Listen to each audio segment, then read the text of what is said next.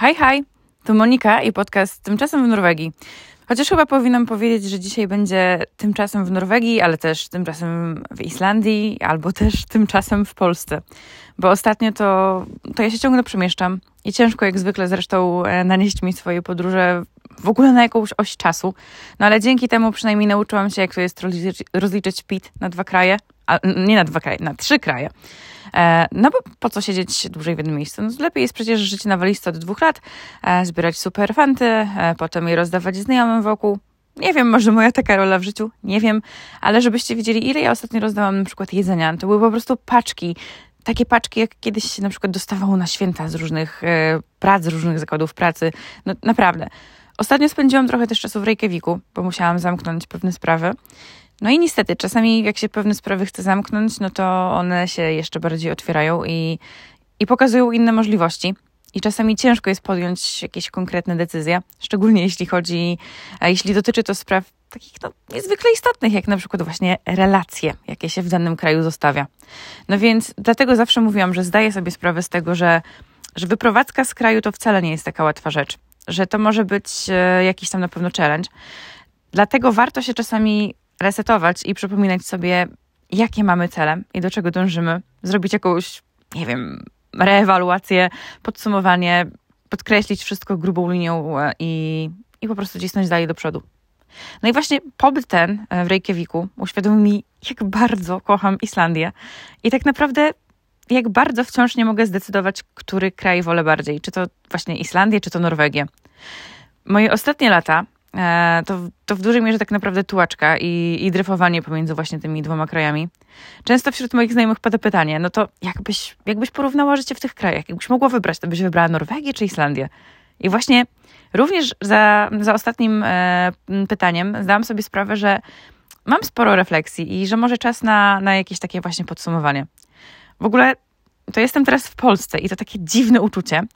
E, ostatni raz byłam tutaj we wrześniu na kilka dni, a potem w grudniu ale to tylko na Sylwestra, więc naprawdę nie spędziłam tu zbyt dużo czasu. Eee, więc dało mi to możliwość spojrzenia na Norwegię, na Islandię i, i, na Polskę z takiej szerszej perspektywy i zwróciłam uwagę na wiele różnych kwestii. Zaczęłam je sobie porównywać, analizować, zastanawiać się nad tym. Eee, no i też zrodził się właśnie pomysł na odcinek, czyli żeby właśnie porównać sobie moje doświadczenie życia w tych krajach i zrobić sobie takie małe podsumowanie. Nie tylko by nagrać odcinek, ale też właśnie po to, by poświęcić chwilę na taką refleksję dla samej siebie. Bo takie zatrzymanie się na chwilę i, i pomyślenie o ostatnim czasie jest też dla mnie jakąś tam refleksją nad moim życiem, nad, nad sobą. Taka, taki checkpoint, taka kontrola samej, samej siebie. Czy jest mi dobrze? E, czy, czy te elementy, które są w moim życiu, mi pasują? E, które elementy zbliżają mnie do mojego celu? Które mnie oddalają? Co trzeba zmienić? I tak dalej. Ja w ogóle zawsze staram się zapisywać sobie swoje myśli i swoje refleksje w notatniku albo, albo w notatniku w telefonie. Jak tylko coś dostrzegam, to, to od razu leci w formie haseł na, na, na właśnie na refleksję. To jest dla mnie taka forma medytacji. Um, no, wszystko to jest niezwykle istotne w procesie jakiejś tam transformacji czy rozwoju. No i też um, Um, dzisiaj zebrałam sobie te wszystkie chaotyczne notatki, e, które wypisywałam sobie przez ostatni czas. E, no i mam kilka takich głównych punktów, takich plusów i minusów tego, co doceniam w tych krajach, co wolę, a, a co uważam za minus. Generalnie ostatnie podróże, które wyglądały dosłownie jak w te i z powrotem. To Norwegia, to Islandia, to Norwegia, to Islandia, potem znowu Norwegia i znowu Islandia. No teraz w ogóle na jakiś czas Polska, no bo przecież chciałam pójść na, na rehabilitację złamanej ręki, ale jednak no ciągle byłam dobrej myśli, wykonywałam ćwiczenia sama w domu. No i na całe szczęście wszystko jest już dobrze, więc rehabilitacji nie potrzebuję. W ogóle mm, teraz tak bardzo doceniam zdrowe ciało. No naprawdę, my nie myślimy na co dzień, jak to jest funkcjonować bez ręki czy bez nogi albo nawet bez jednego palca. No, a, a kiedyś jak wyszłam w szkło, to dwa milimetry, które utknęły mi w palcu e, u, u, nogi, no paraliżowały chód, chód całej nogi, więc niby taka pierdoła, a, a potrafię je zniekształcić i utrudnić funkcjonowanie na co dzień. I, I też zawsze na myśl przychodziły mi te wszystkie sceny z filmów, jak na przykład jakiś wiking dostaje tam, wiecie, ósmą, dziewiątą, dziesiątą strzałę, ale nie, dalej biegnie, dalej biegnie i, i w ogóle napiernicza tym swoim toporem wrogów. E, no tak, na pewno.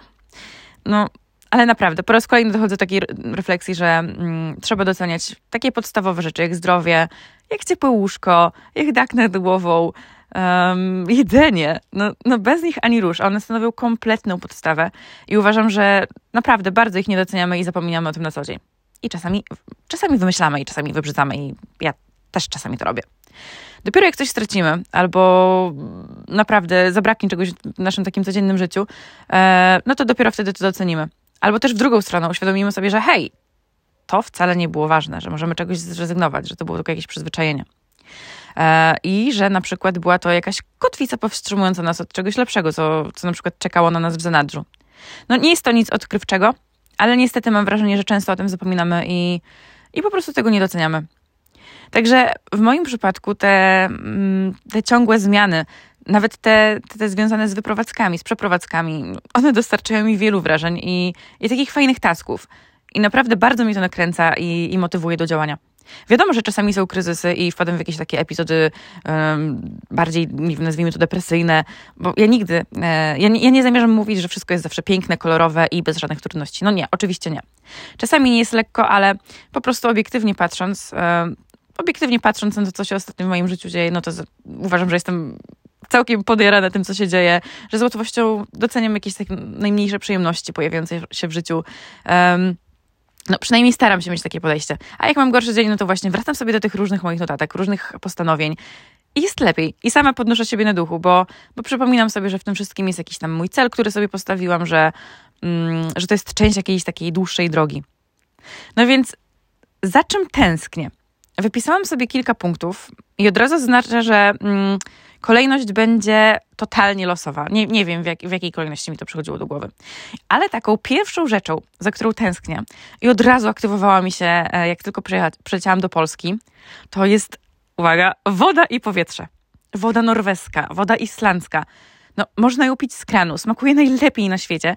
Jest miękka, smaczna, orzeźwiająca i, i nigdzie się takiej nie znajdzie w żadnej sklepowej butelce w Polsce. No, choćbyście sobie kupili jakieś specjalistyczne wody tam, nie wiem, typu Józef, czy tam jak one się nazywają, no to przykro mi, ale nie. Ta woda z północy to jest jakiś po prostu kosmos. Ona doskonale nawadnia, skóra jest taka miękka i nawet odżywek do włosów stosowałam mniej. Um, nie zostawa kamienia w czajniku no, jest tak czysta i, i pełna dobroczynnych pierwiastków. W ogóle na Islandii, jak odkręcicie ciepłą wodę, to ona jest tak ultra gorąca, bardzo łatwo jest się w ogóle szybko oparzyć, więc trzeba uważać. Mm, no i ta woda w ogóle pachnie bardzo specyficznie siarką. Jedni kochają, drudzy nienawidzą, ale dość spora część moich znajomych, którzy mieli okazję mnie odwiedzić wtedy, kiedy mieszkałam na Islandii, mówili, że, że ta kąpiel czy, czy, czy prysznic w tej ciepłej wodzie siarkowej jest dla nich mega przyjemny, jakiś taki wyciszający. I ja w sumie uważam to samo, że nie wiem, to działało jakoś tak uspokajająco, no przyjemnie po prostu. No i nie dziwi mnie, że, mm, że moi znajomi no, lubią siarkę, no, celestial niter. Do tej pory w ogóle mam taki nawyk z Islandii, że jak odkrywam, e, od, odkręcam wodę i, i chcę się napić, to najpierw muszę poczekać, aż, e, aż ta woda zleci do końca. W sensie ta ciepła woda. Dopiero wtedy napełnią szklankę. E, bo ta ciepła woda jest z siarką na Islandii i generalnie nie zaleca się jej pić. I nawet teraz, jak przyjechałam do Polski, to, to właśnie robię w ten sposób, bo po prostu permanentnie wgrało się to gdzieś tam do mojego systemu. E, I w ogóle dla mnie picie teraz wody z butelek, i to plastikowych, no albo z kranu. Choć jednak ta woda z kranu w Polsce jest, no, jest o wiele gorsza, no nawet nie będę tego porównywać. E, I też, mm, no, nie wszędzie się zaleca picie, picie z, z kranu. No, to jest dla mnie naprawdę duża różnica i naprawdę nie sądziłam nigdy, że to powiem, ale jakość wody to jest dla mnie tak bardzo ważny czynnik w życiu. No, zważywszy na fakt, że ja naprawdę czuję różnicę w tym, jak się czuję. Na przykład w Norwegii, e, no też czy na Islandii, ani razu nie bolała mnie głowa. Nie wiem, jak to jest. Nie wiem, jak to działa, ale w ogóle przestałam mieć na przykład kacę. Miałam gładszą skórę, praktycznie w ogóle nie chorowałam.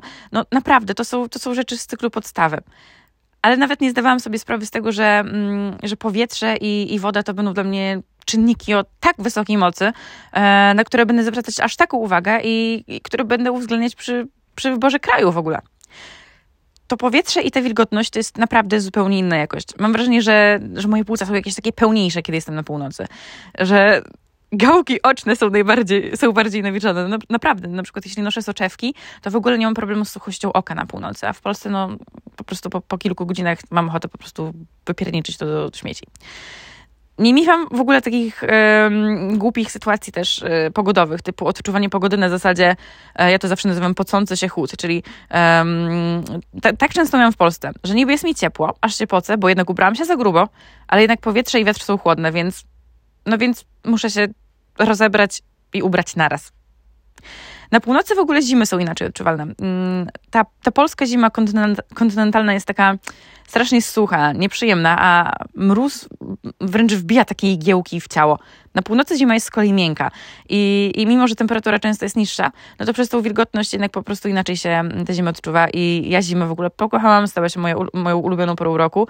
No i nie ma nic, nic piękniejszego niż takie mm, ośnieżone góry, pokryte tym białym puszkiem, takim puszkiem niczym, niczym słynny domek w Karkonoszach. No i przy powietrzu i, i wodzie warto też podkreślić tutaj miękkość futerka kotełków. W ogóle w Reykjaviku jest pełno kotów tam ludzie mają e, trochę inne podejście niż w Polsce. W Polsce zauważyłam, że jednak jest ta taka tendencja większej świadomości tego, że jeśli się wypuszcza kota na zewnątrz, no to wiadomo, może się coś stać.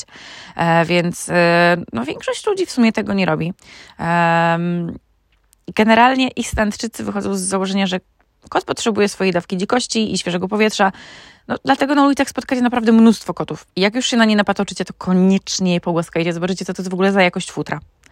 No, mm, no to, to futerko e, dzięki, dzięki tej wilgotności jest po prostu no, takie miękkie, niczym pralinka. No, to po prostu chce się tulić, kochać i, i czcić te koty, no tak jak czczono w Egipcie.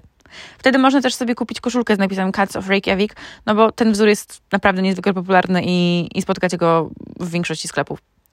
W Bergen koty też biegają po ulicach, jednak jednak tutaj o wiele częściej spotkałam się z, z jakimiś tam zabezpieczeniami, zabezpieczeniami okien, czy też na przykład widać siatki na, na balkonach.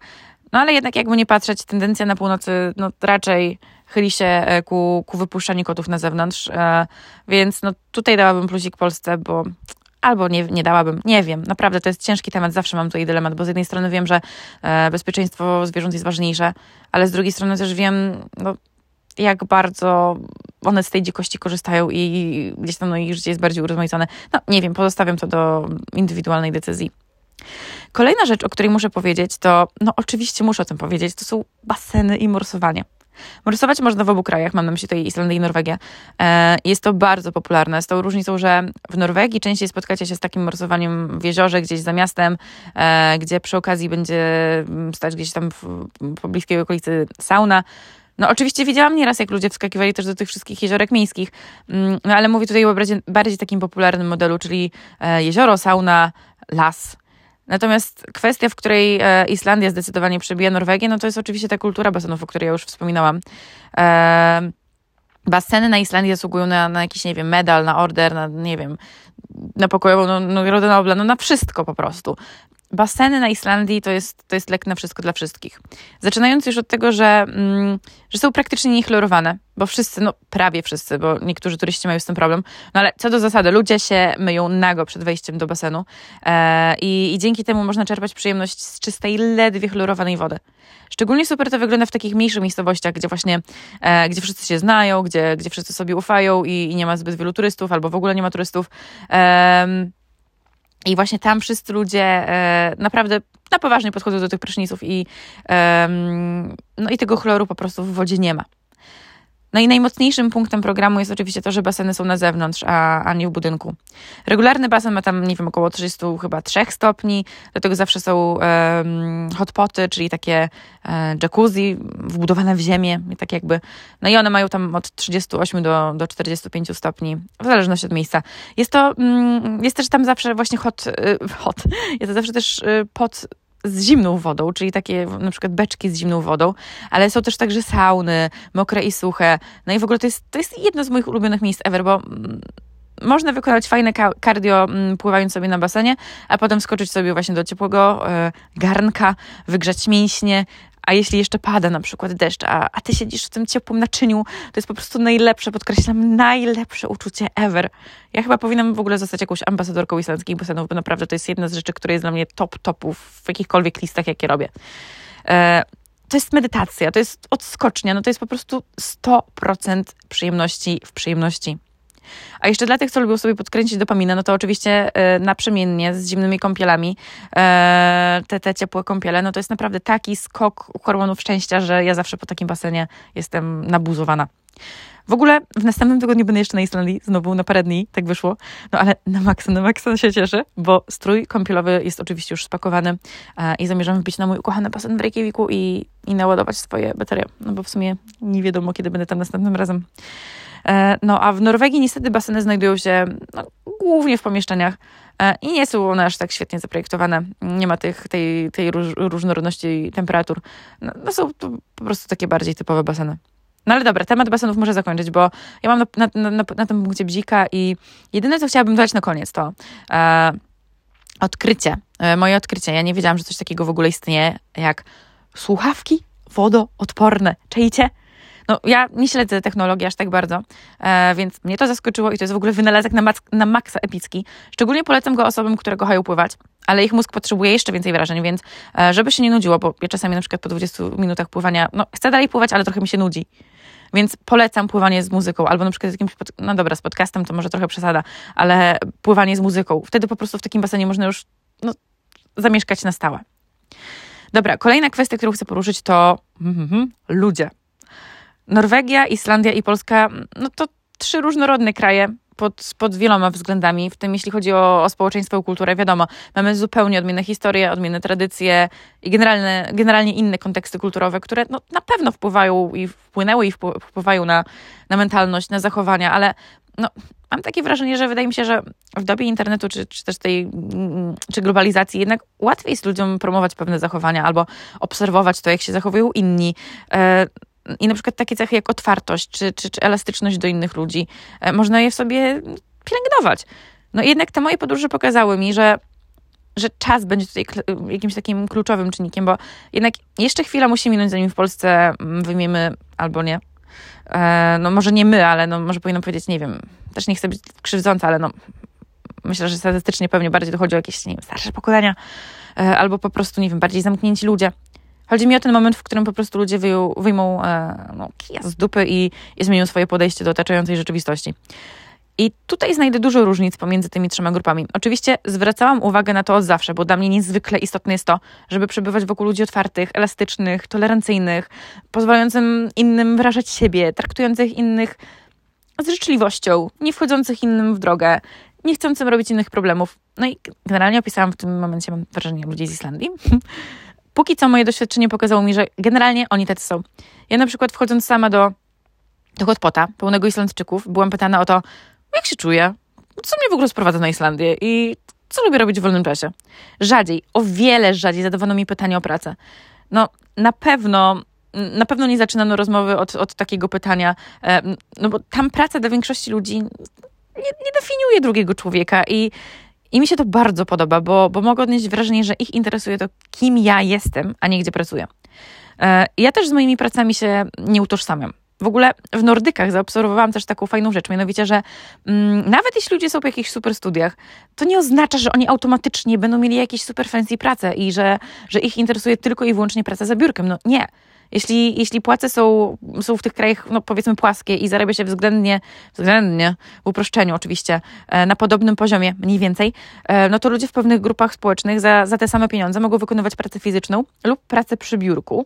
No, mm, no to często wybierają tę pierwszą pracę, e, pracę fizyczną, no bo na przykład nie mogą wysiedzieć tylu godzin w biurze albo, albo po prostu taką pracę aktywną bardziej preferują. No i to jest świetne, bo wychodzi na to, że że jak dostaniesz te same pieniądze e, za, za, za jakieś tam inne prace, no to wtedy też ludzie podchodzą do tematu z większym luzem i, mm, i zwyczajnie wybierają to, co ich kręci, a nie to, co ma jakiś tam większy, no powiedzmy, prestiż.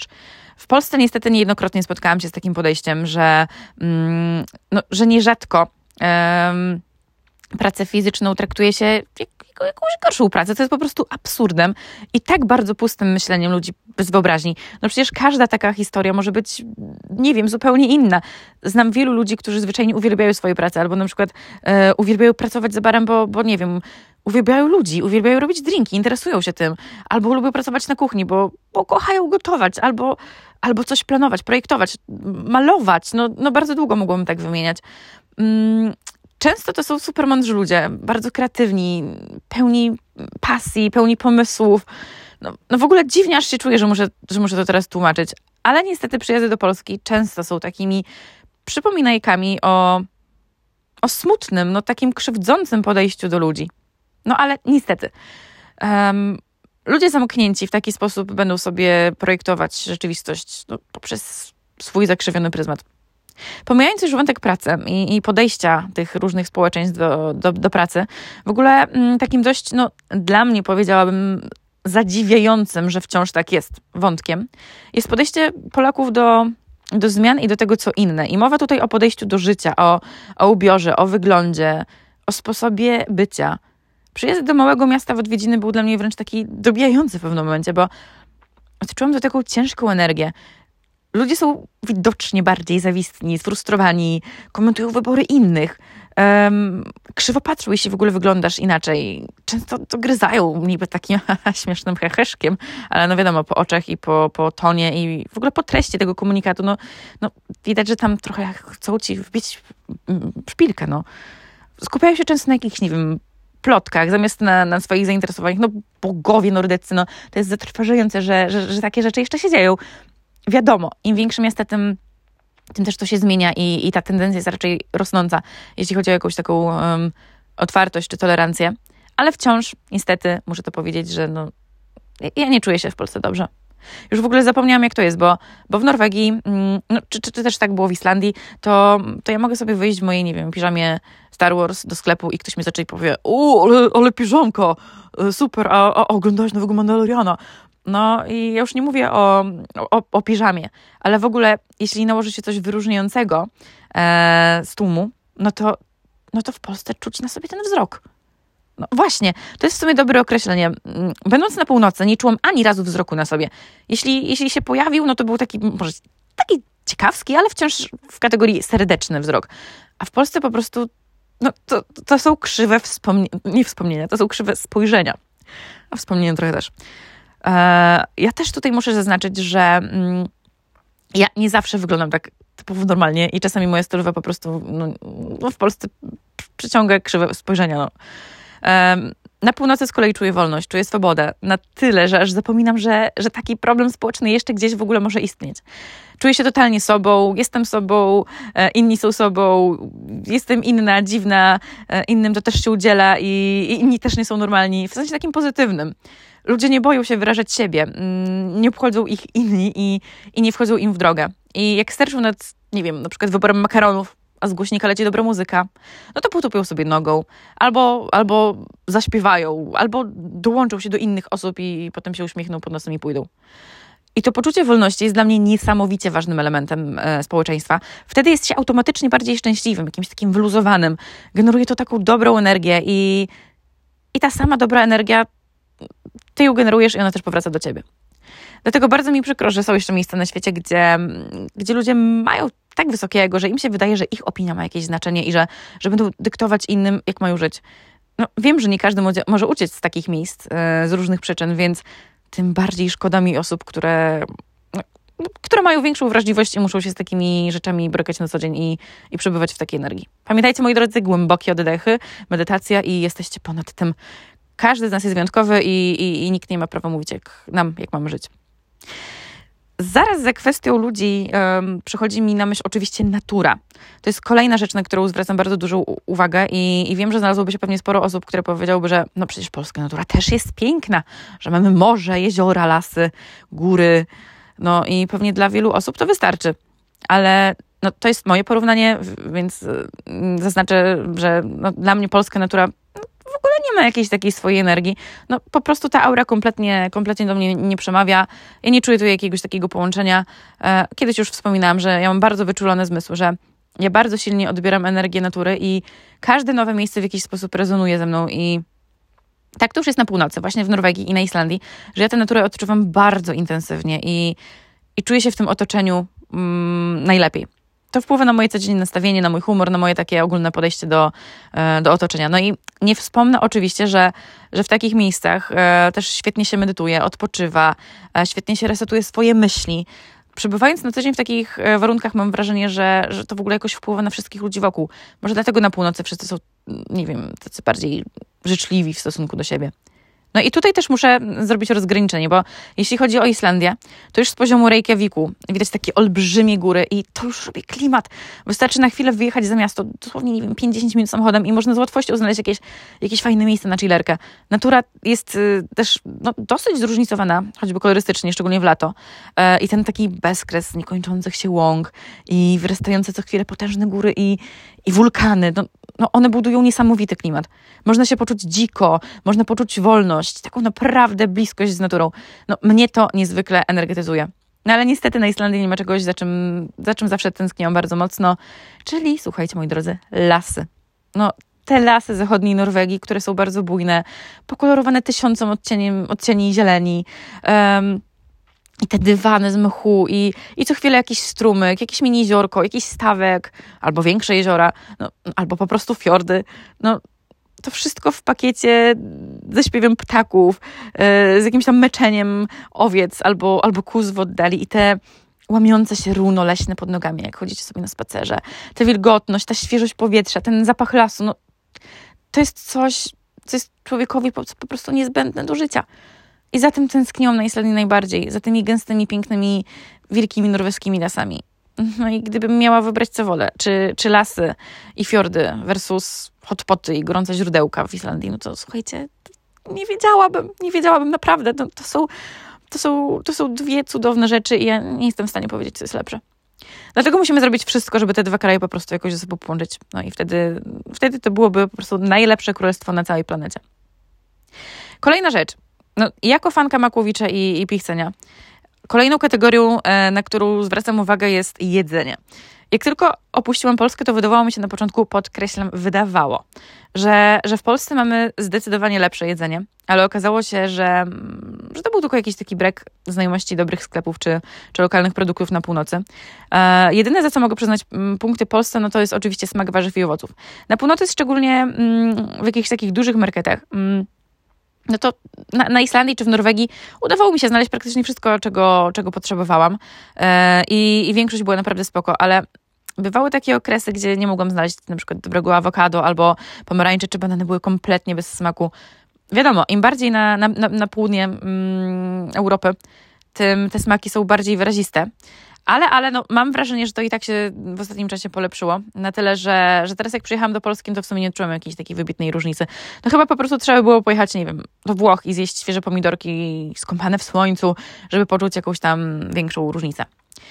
No i też północ wynagradza to na przykład świetnymi rybami, które ja uwielbiam. W ogóle lubię wplatać sporo białka w swojej diecie, więc takie rzeczy właśnie jak owoce morza czy ryby, e, no to na Islandii czy, czy w Norwegii, no szczególnie w Norwegii, no to jest coś, co na pewno ucieszy każdego fana tych mm, produktów morskich. No i muszę wspomnieć też o islandzkim, o islandzkim skyrze, który jest jedyny w swoim rodzaju i w Norwegii e, też udają trochę skyr, w Polsce też uda, udają, że robią skyr. No ale ten skyr islandzki no to jest po prostu coś, no nie można tego do niczego porównać. Jest kremowy, przepyszny, wspaniały i ma, tak dużo białka i no jeśli ktoś chodzi na siłownię, no to taki skyr jest najlepszym przyjacielem. W ogóle mam wrażenie, że te mm, szejki białkowe lepiej mi smakują w Norwegii i, i w Islandii niż te w Polsce. W Polsce częściej zauważyłem, jestem po nabiale e, wzęta. I tak samo miałam z odżywką białkową. Te odżywki zakupione na północy świetnie w ogóle współpracowały z moim ciałem i, i, były zajebiste w smaku. Natomiast w Polsce, no nie wiem jak to jest, ale w tych odżywkach często, no ja po nich się często czuję trochę, trochę tak mgliście, że tak powiem.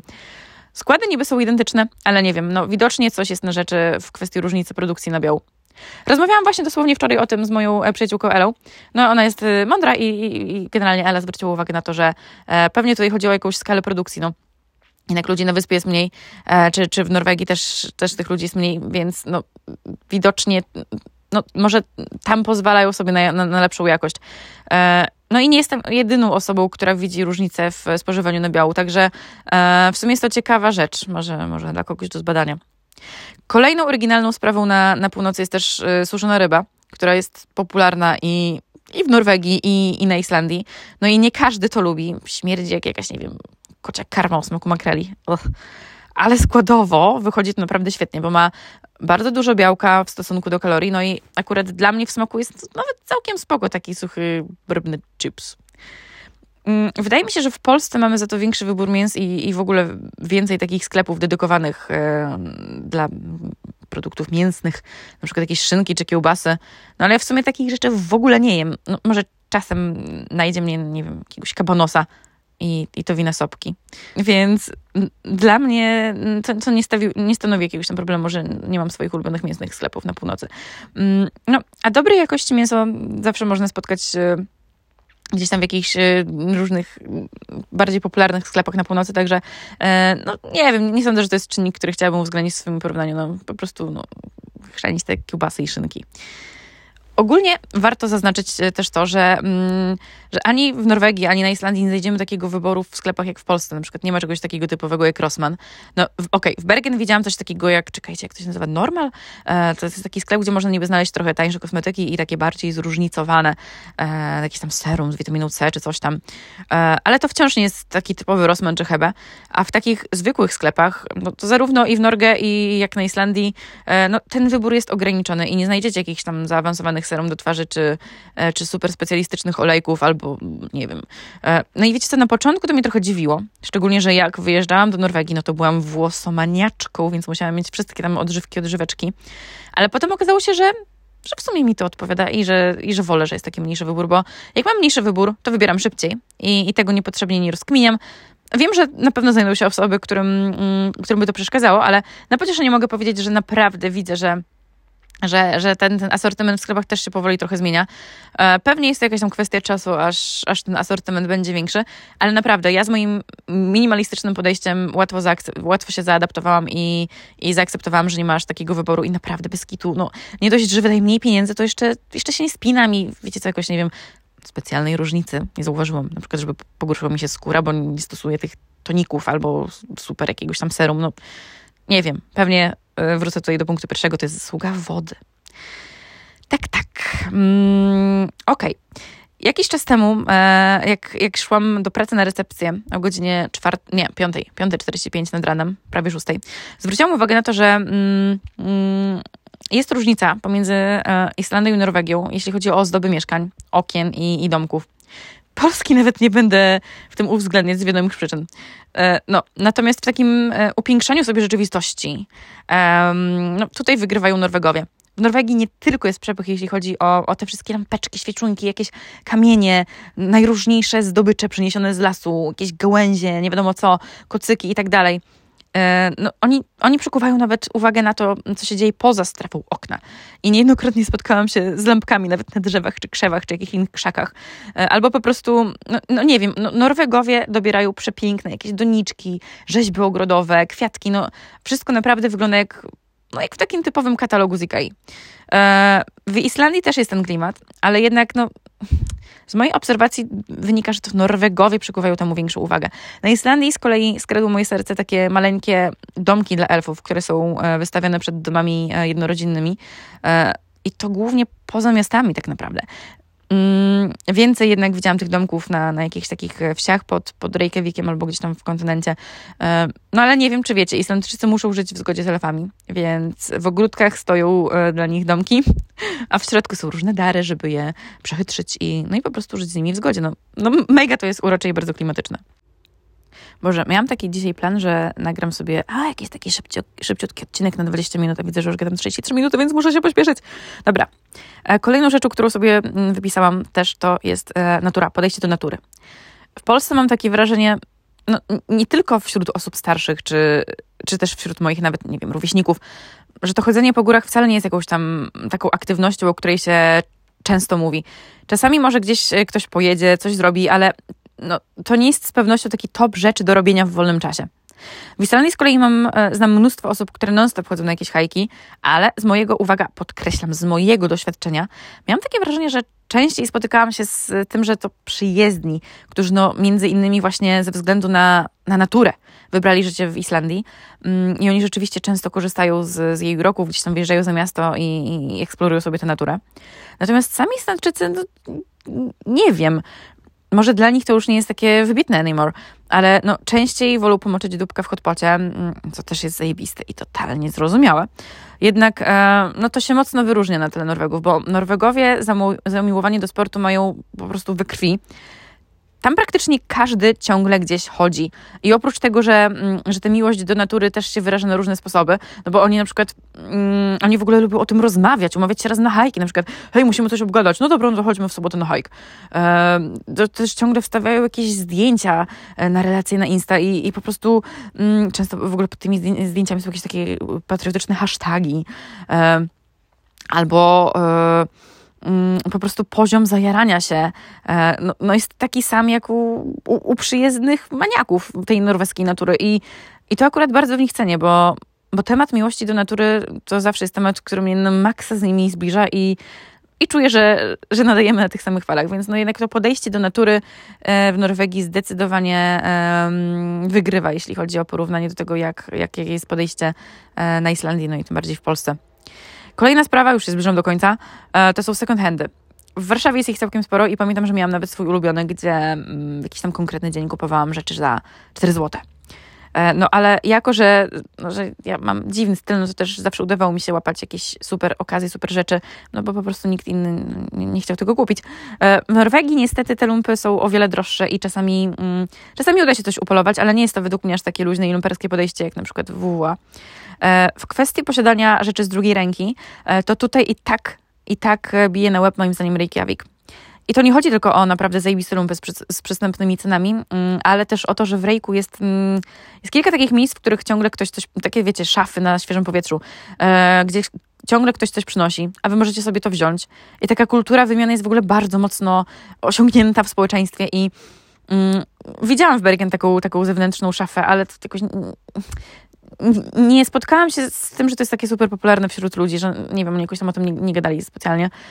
E, I nawet pomiędzy gdzieś tam pomiędzy ludźmi w Reykjaviku to, to właśnie było coś takiego, że a ktoś czegoś szuka, a to idź sprawdź w tej szafie. No, to jest taka wspaniała, e, jest w ogóle taka wspaniała grupa właśnie na Facebooku, e, na której ludzie się ciągle ogłaszają i właśnie oddają sobie rzeczy za darmo. I wiem, że i w Norwegii, i w, znaczy w Norwegii nie widziałam w sumie takiej grupy. Wiem, że w Polsce na pewno jest coś takiego, jak śmieciarka jedzie, czy coś takiego. E, I że generalnie ten trend też rośnie. No ale jednak w Reykjaviku czułam to naprawdę mocno, że mm, ja coś komuś non-stop oddawałam, albo brałam od innych i nie wiem, może to jest kwestia tego, że miałam taką świetną ekipę, która po prostu ciągle dzieliła się wszystkim i, i nikt nie miał spiny o, o nic. To było takie na zasadzie, podoba ci się to aż tak? E, no dobra, no to, no to bierz to, mi to nie jest aż takie potrzebne. I to jest cudowne, to jest naprawdę cudowne. Tacy ludzie to jest skarb i, i mi w takim społeczeństwie od razu żyje się tysiąc razy lepiej i mam taki mentalny uśmiech. Mentalny, bo mm, no, na twarzy to często mi się wydaje, że się uśmiecham, ale potem, gdy widzę siebie na zdjęciu, no to okazuje się, że jednak niekoniecznie. Dobra, mm, zbliżam się do do końca swojego wielkiego porównania 2023, e, chciałabym jeszcze zwrócić uwagę na, mm, na podejście do osób z zagranicy w kontekście szukania pracy, bo to też jest ważne.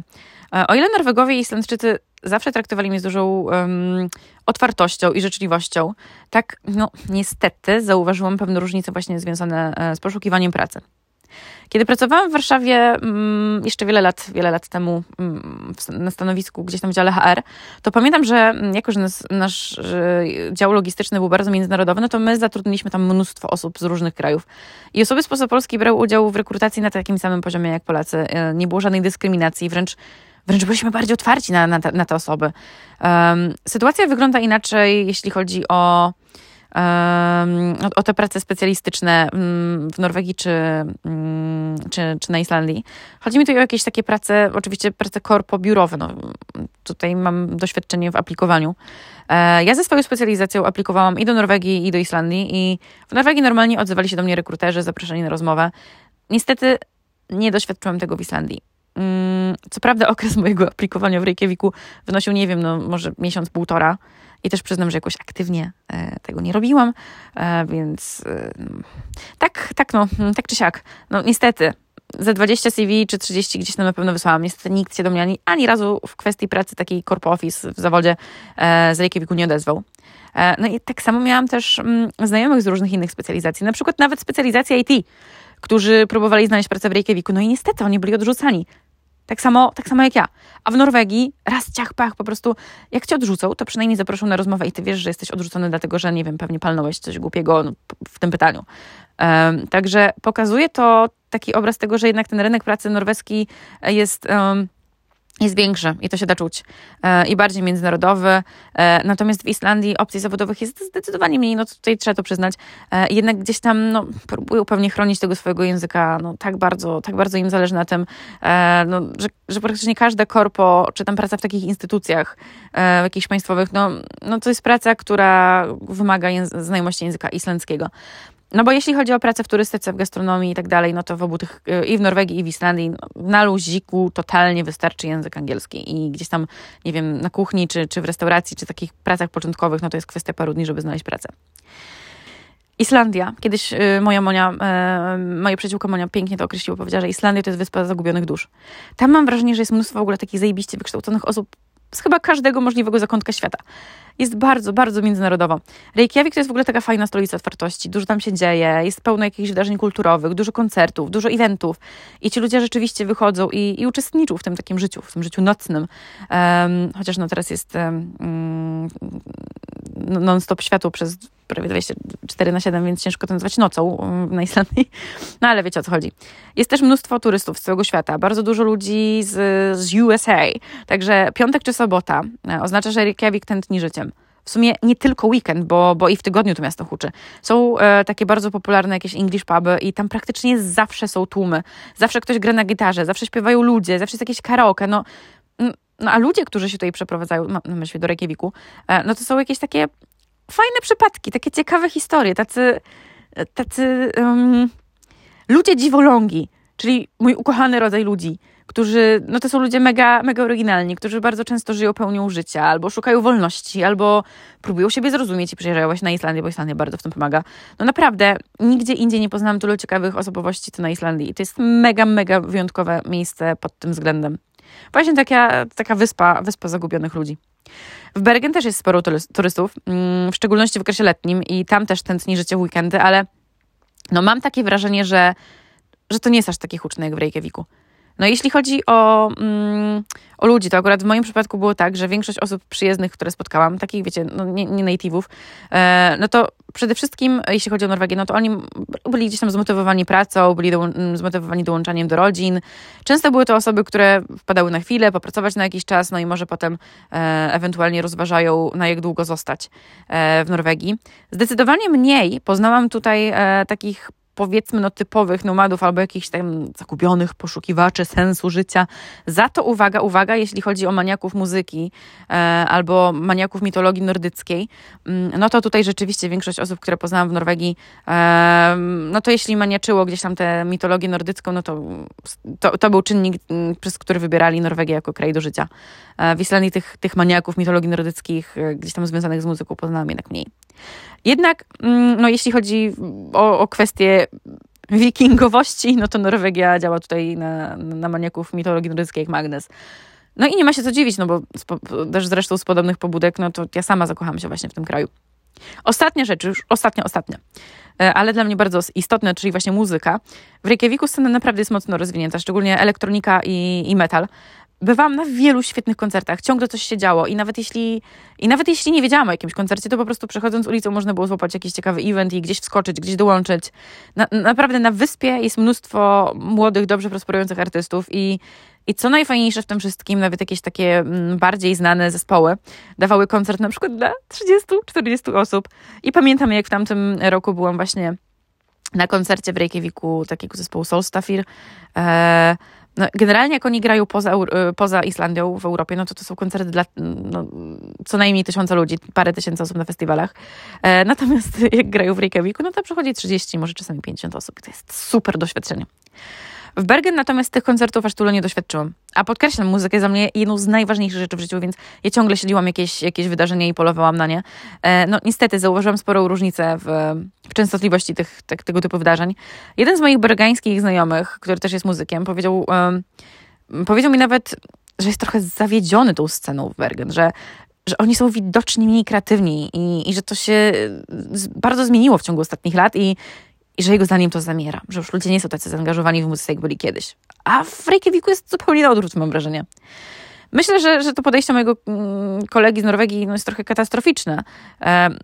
No ale, ale jednak, co muszę przyznać, no to jest to, że na zbyt wielu koncertach w Norwegii, w Bergen nie byłam.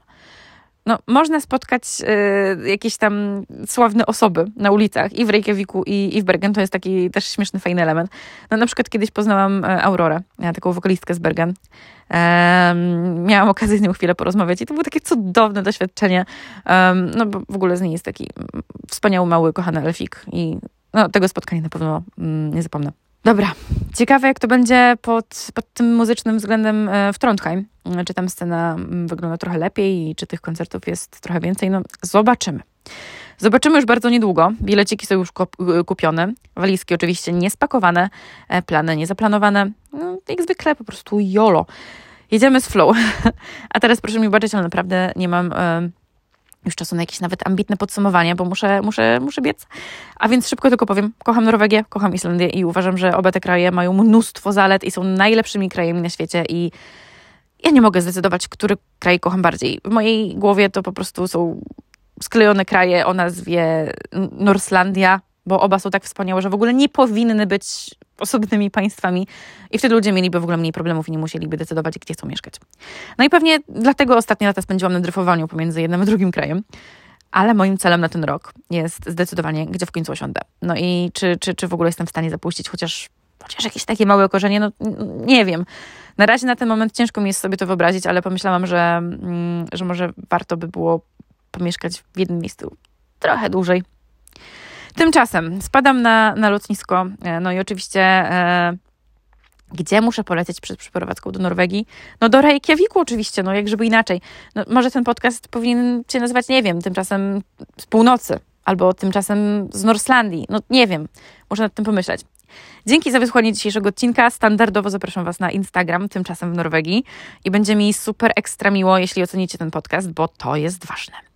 Podobno. No i co? No chyba następny odcinek wygląda na to, że nagram już z Trondheim, także jestem na maksa podekscytowana. Boże, 46 minut, bardzo Wam współczuję. E, Okej, okay, to w takim razie dzięki raz jeszcze, słyszymy się niedługo. Hade!